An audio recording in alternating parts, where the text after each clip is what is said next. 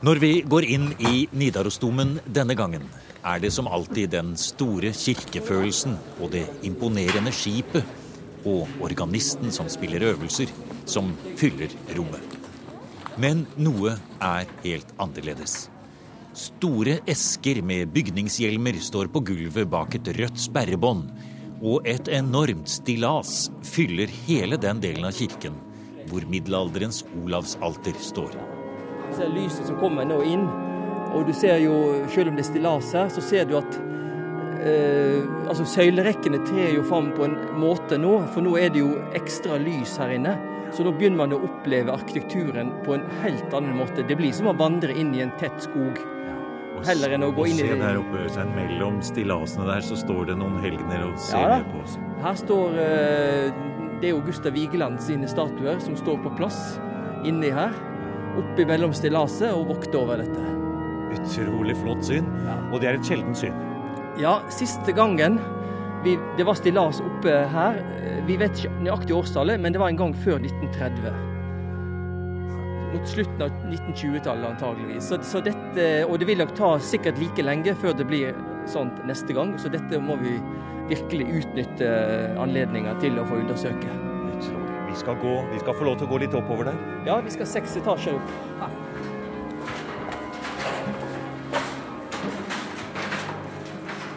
Det er arkeolog Øystein Ekroll fra Nidarosdomens restaureringsarbeider som tar oss med oppover i etasjene i stillaset.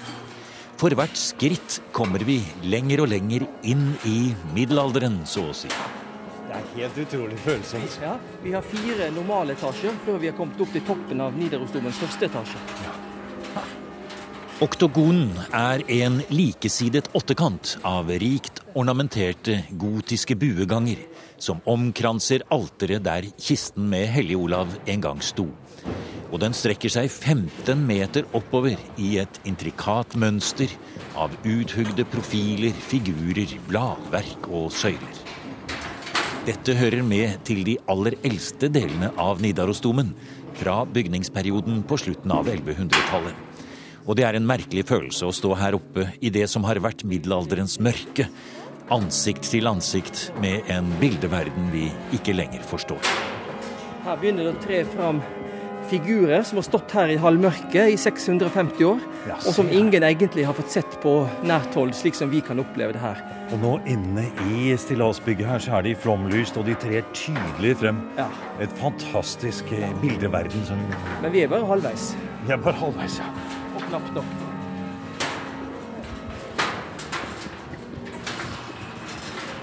Det er jo når du, får, når du får lys av denne typen satt på, det er først da du opplever hvor utrolig mange flotte detaljer det er her, som da ellers lever et liv i halvmørket.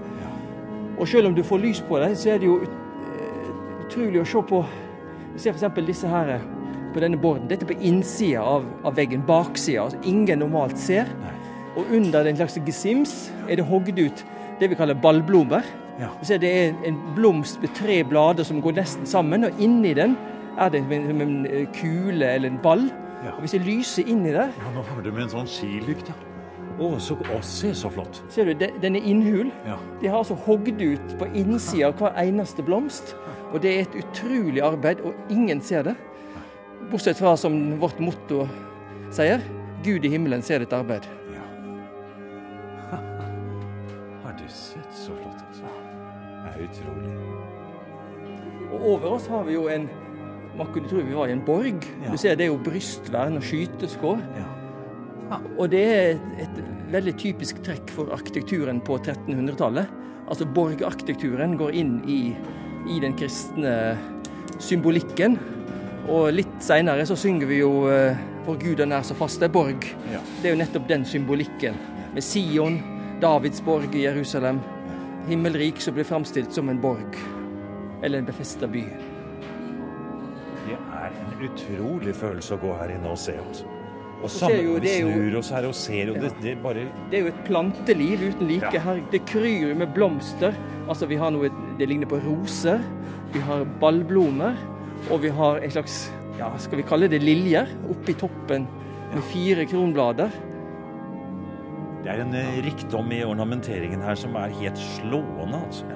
Det er ingen bygning i Norge, sannsynligvis ikke heller ikke i Skandinavia, som har den rikdommen i utsmykking i stein som vi ser her inne i oktogonen i Nidarosdomen.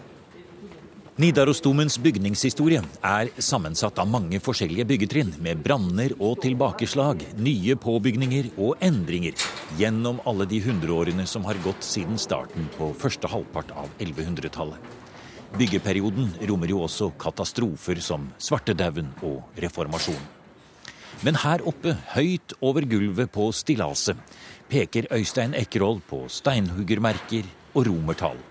Noen av dem satt inn av håndverkerne som har tatt ned og satt opp igjen deler av oktogonen ved enkelte av de store reparasjonene som har funnet sted gjennom kirkens historie. Noe er nytt, i anførselstegn, dvs. Si satt opp igjen på 1300-tallet, men mange av bygningsdelene i oktogonen går helt tilbake til den aller eldste tiden. Og de har tatt ned altså denne etasjen, neste etasje og en del av den første etasjen merka steinene og satt det opp igjen på nøyaktig samme plass. Og Det er helt unikt. Eh, og man kan jo lure på Det måtte være enklere å rive alt sammen og bygge noe moderne. Men sannsynligvis har, det, denne oktogonen hatt så sterk symbolsk betydning at det, det var like viktig å bevare forma på den enn å få noe som var kanskje mer praktisk eller mer moderne eller lysere eller, eller hva det nå hadde for, for grunner. Hvis du ser på hjørnet her, den, de nederste steinene de er altså over 1,5 meter lange. Og de har altså jeg vet ikke hvor mange forskjellige profiler som går rundt steinen, men det er én sammenhengende stein. Og den er altså, Å bare bryte ut en sånn stor stein, den måtte altså være i, forbruddet nesten to meter lang. To ganger én meter minimum. Og den er altså hogd til med så mange forskjellige vinkler at det er helt fantastisk å tenke på den byggmesteren som hadde dette, denne tanken helt klart. Her skulle altså minst, minst fem forskjellige vinkler skulle innfattes i én enkelt stein. Og det er at De første tre steinene er altså helt massive tvers igjennom, og så begynner det å bli delt opp og går i forskjellige retninger. Man ble helt slått av undring at det tatt uh, man fikk det til. Men på den annen side, dette var jo kanskje noen av Europas og verdens uh, aller dyktigste steinsmeder. Ja, det må det være. Og vi har dessverre ingen kilder som forteller hvem disse folka var. Men den nærmeste parallellen arkitektonisk til denne veggen, den finner vi i Essex i England. Der er to ikke så veldig store landsbykirker som har lignende vegger, men altså i mindre format. Men det er det eneste parallellen vi har klart å finne ut så langt. Og kanskje er det en forsvunnen katedral eller et kloster i England som, har, som var altså en felles modell for dette. Det er en mulighet. Nærkontakten med middelalderens skulpturer og utsmykking, og ikke minst muligheten til å komme kloss inn på selve bygningshistorien, er så sjelden at flere av Øystein Ekerholds kollegaer fra andre steder i landet har funnet veien hit opp på stillaset. Et helt grubleseminar med mange kunsthistorikere under ledelse av Kjartan Haugli var samlet i flere dager. Og det kommer det et eget program om her i museum litt senere. Her skal vi se noe veldig morsomt. Ja. Altså På begge sider, altså innvendig her, innvendig kobu, eh, bak kobuveggen, så har vi altså på begge sider en, en, en rekke med skulpturer som mm. står da under denne gesimsen. Og det er noen morsomme ting. Ha. Se her, hva er dette? Ja, kan du tenke Det Det ser ut som en veldig engstelig mann som har skjult seg under en krakk. Han holder iallfall en Han har gjemt seg under noe? Han har gjemt seg ja, under en krakk, ja. ja. Det ser ut som han holder en krakk over hodet og, og har eh, tatt tilflukt under den. Er det en av de fortapte, Kjartan? Eller i hvert fall har han store syndere å bære på. Ja. Så her er det en veldig interessant teknisk detalj. og det er man ser um, Denne steinen er jo veldig, det er en veldig god stein, men den har, uh, har sprukket. Og det må ha skjedd allerede da den ble hugget. For du ser her er det slått inn en boret et hull og slått inn en uh, jernbolt. Og så er det forseglet med bly. Og det ser du oppå her også. Og dette er helt sikkert da fra middelalderen. Fra 1300-tallet. Så det ble reparert før det var ferdig. Men det har jo holdt i 600 år, da. Ja, altså det jeg undrer meg over, altså hvor høyt oppe er man her nå? Altså fra bunnen der nede? Ca. ti meter over gulvet. Ja, ti meter over gulvet. Og denne denne figuren som er så detaljrik og er så finurlig, den er i hvert fall ikke mulig å se verken nedenfra eller hvis man skulle gått opp i noen av disse galleriene som vi har snakket om. Og Hvis du ser inn i håret, så ser det faktisk ut som det er fargerester. Ja, se der, ja. Kan man se litt sånn Er det litt rødaktig? Ja, Ja. som ligger under der. Tenk deg det. altså. Men han har jo grunn til å være redd, for han er jo omgitt på begge sider. Ja, se. Ja, for det er jo, et helt, eh, det er jo en hel fortelling her, Kjartan. Ja. Ja, så Det er i vi en eh, drage på denne siden og en sånn øgleaktig sak her. Drage og en øgle, ja. Og se de Han ikke så ansikt... veldig Og, og der kommer det et, en, en person som på en måte er et menneskeansikt. Ja, den ser jo mer eller mindre normal ut, får vi si. Men han blir også jaget på av disse djevlene som, som kryper frem fra veggene her. Groteske bilder fra helvete. Det er det vi ser her. Eh, Ja, det kan du si. Det spennende her er at det er ingen som har sett dette siden eh, 20-tallet. Så dette har jo vært eh, skjult for alle i, i mange, mange år. Du ser, det er jo, de, de prøver på en måte å kjempe seg ut av, Ja. av veggen, ut av steinen. De prøver å bli frelst. Og det er jo ganske godt innhula, da, slik at det Ja, se, nå stikker du lommelykta inni der, ja. ja. Inn i munnen der. Se den Kan du se hvordan han har brukt bor for å hule den ut inni? Ja. Det... Drillet seg inn. Med en gullsmedpresisjon. Den der ser du inn i munnen, han borer mellom tennene. Ja, se der. Det er rene tannlegearbeid. Ja. Det er jo som, sånne, som de verste gargoylfigurer, men, men her er det da hodene som Altså, jeg blir bare det, det er jo så detaljert. Det er så flott. å se, se på den djevelen som liksom kommer der og så se, kaster blikket sitt bortover. Det er like før han da springer ut av, eh, av steinen her og Så han har god grunn til å gjemme seg under den krakken. Ja, det tror jeg. Han er ganske tynget av sine synder, han her også. Ja, Ja. han, har, er veldig bekymra. Ny- nyver i, eh, i panna og åpen munn, men vi ser tennene. Det er vel et dårlig trekk. Han eh, ser jo ellers flott ut med hår og skjegg og, og det hele. Men han er antagelig helvete, han òg. Er i hvert fall på vei dit. Men vi må jo kanskje hilse på den mest berømte av alle skulpturene her. Ja. Her borte.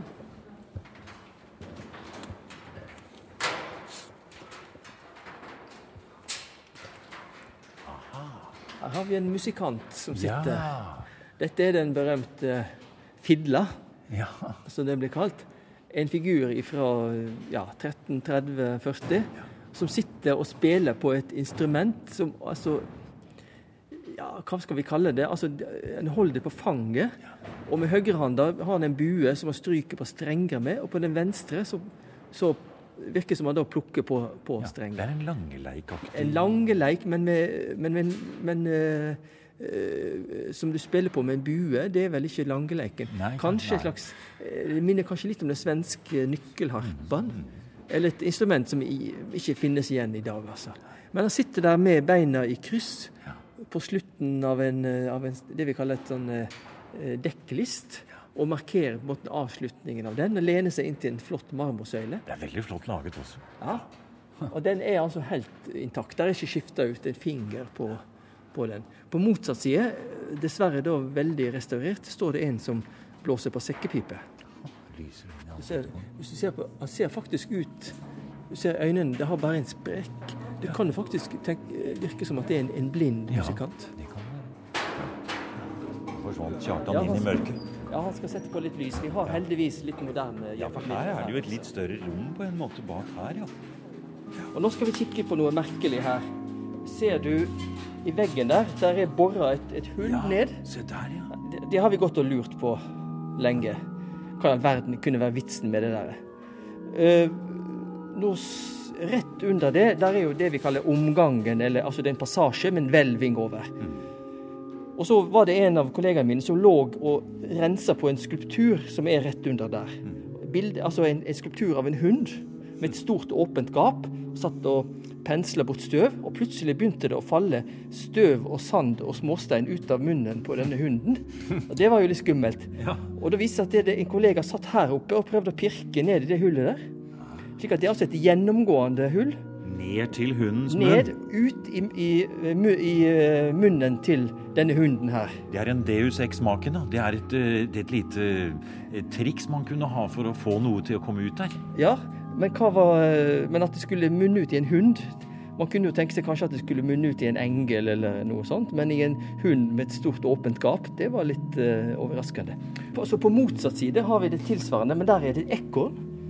Med, som sitter og gnasker på tre eikenøtter, og så munner da dette hullet ut akkurat i halsen på ekornet. For det, det, er, det er så lite ekornet. Det kunne ikke ha stor nok munn til at det kunne munne ut der. Så det er akkurat det samme. Kanskje har noe hengt der. Ja. Kanskje var det meninga at man skulle komme med noe lyd eller noe sånt gjennom dette her. Hvis du kryper ned, Kjartan, så kan du gå opp på stillaset og kikke opp gjennom eh, hunden, som vi hadde Plu Pluto. og så skal vi se om eh, Kan vi stå og lyse ned i? Du må enda litt lenger ned. Du må helt inn, i, inn under buen på midtgangen. Kanskje klarer du å åle deg inn på det nivået du står på nå.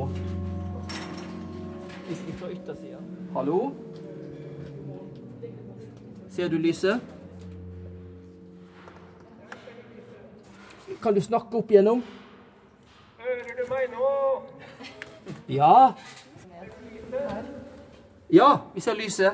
Se, der ser vi lyset, ja. Ja. Vi kan se det lyser er langt ned, jo. Ja, det, er, Veldig over- langt det er over en meter. Ja. Altså Hullet er laga når de bygde dette. Det er ikke noe som Går det til. videre oppover her Ja, det har gått inn i veggen hit opp. Ja.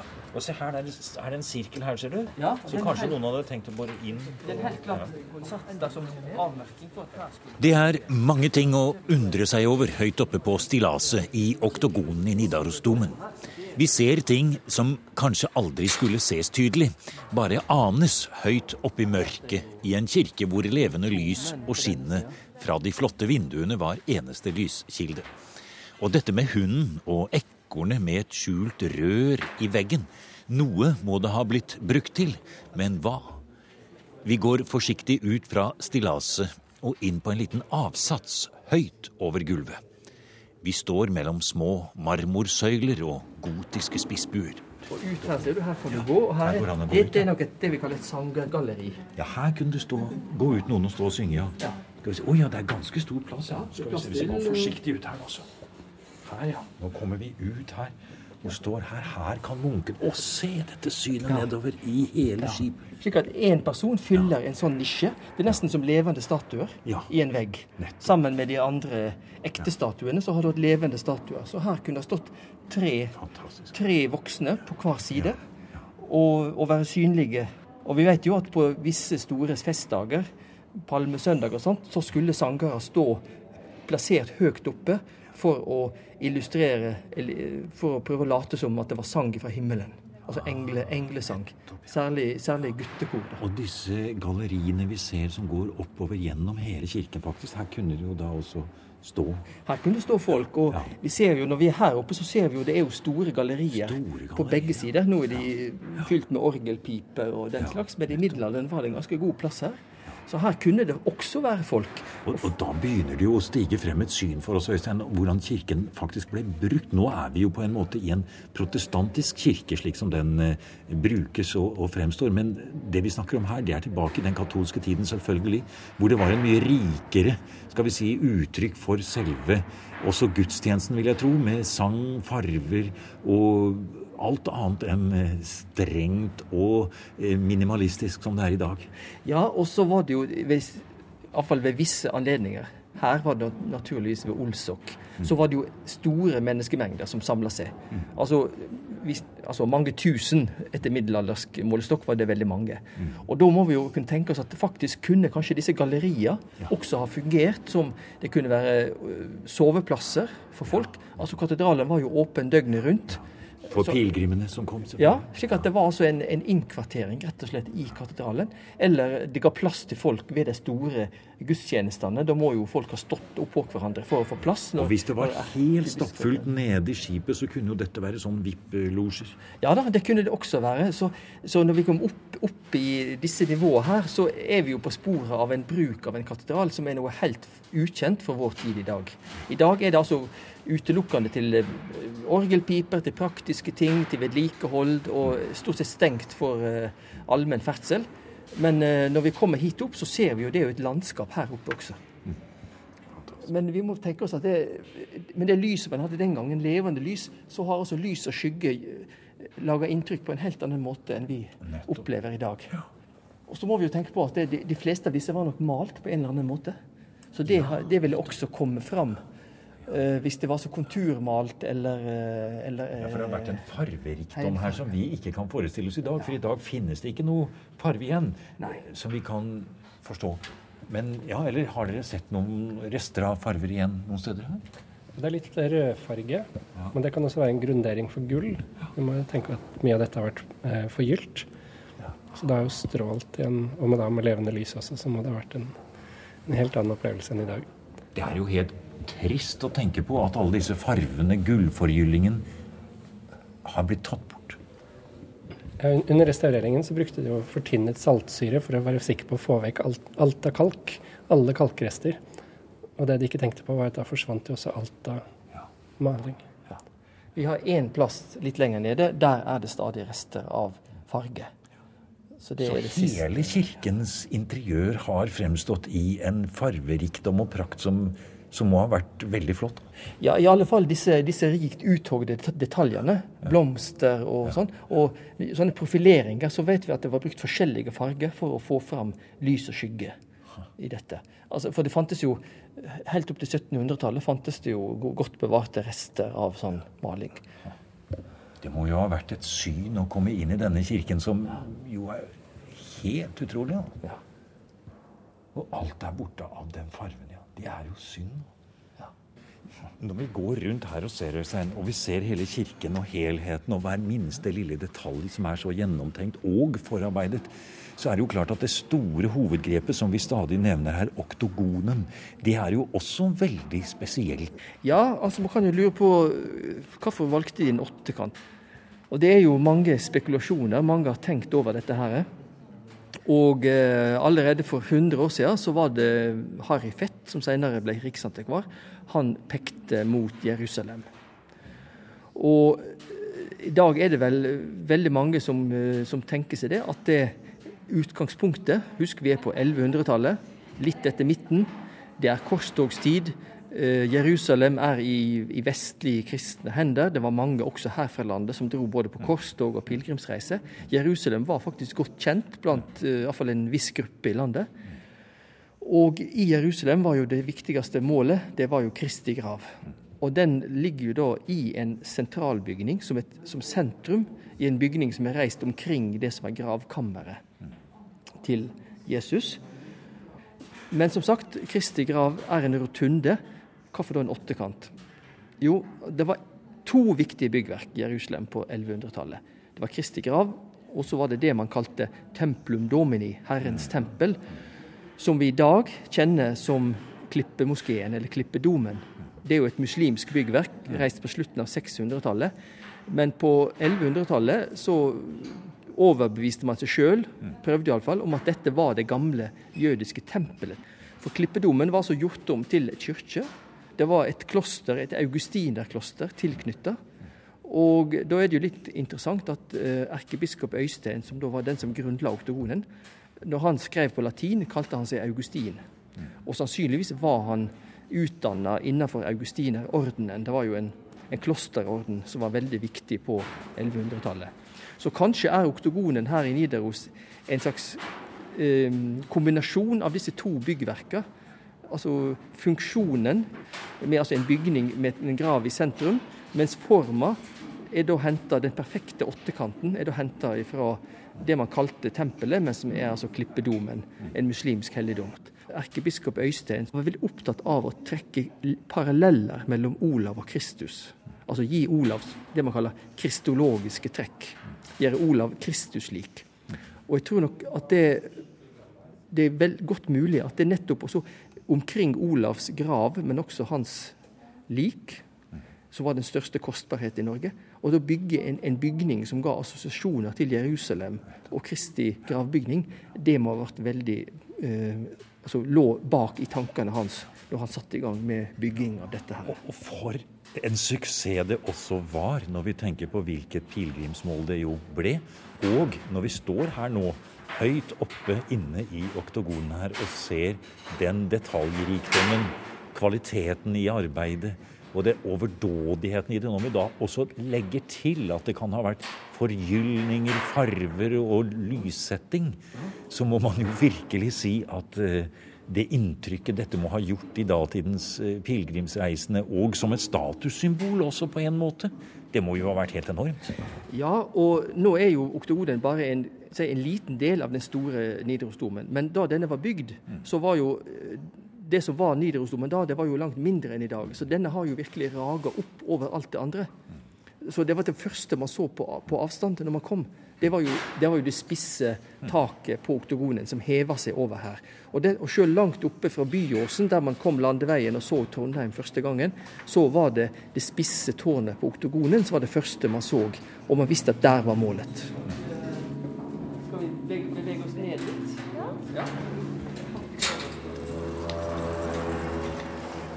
Du har nå hørt programmet Museum som podkast fra NRK. Museum sendes i NRK P2 på lørdager og søndager. Du finner flere programmer på nrk.no podkast.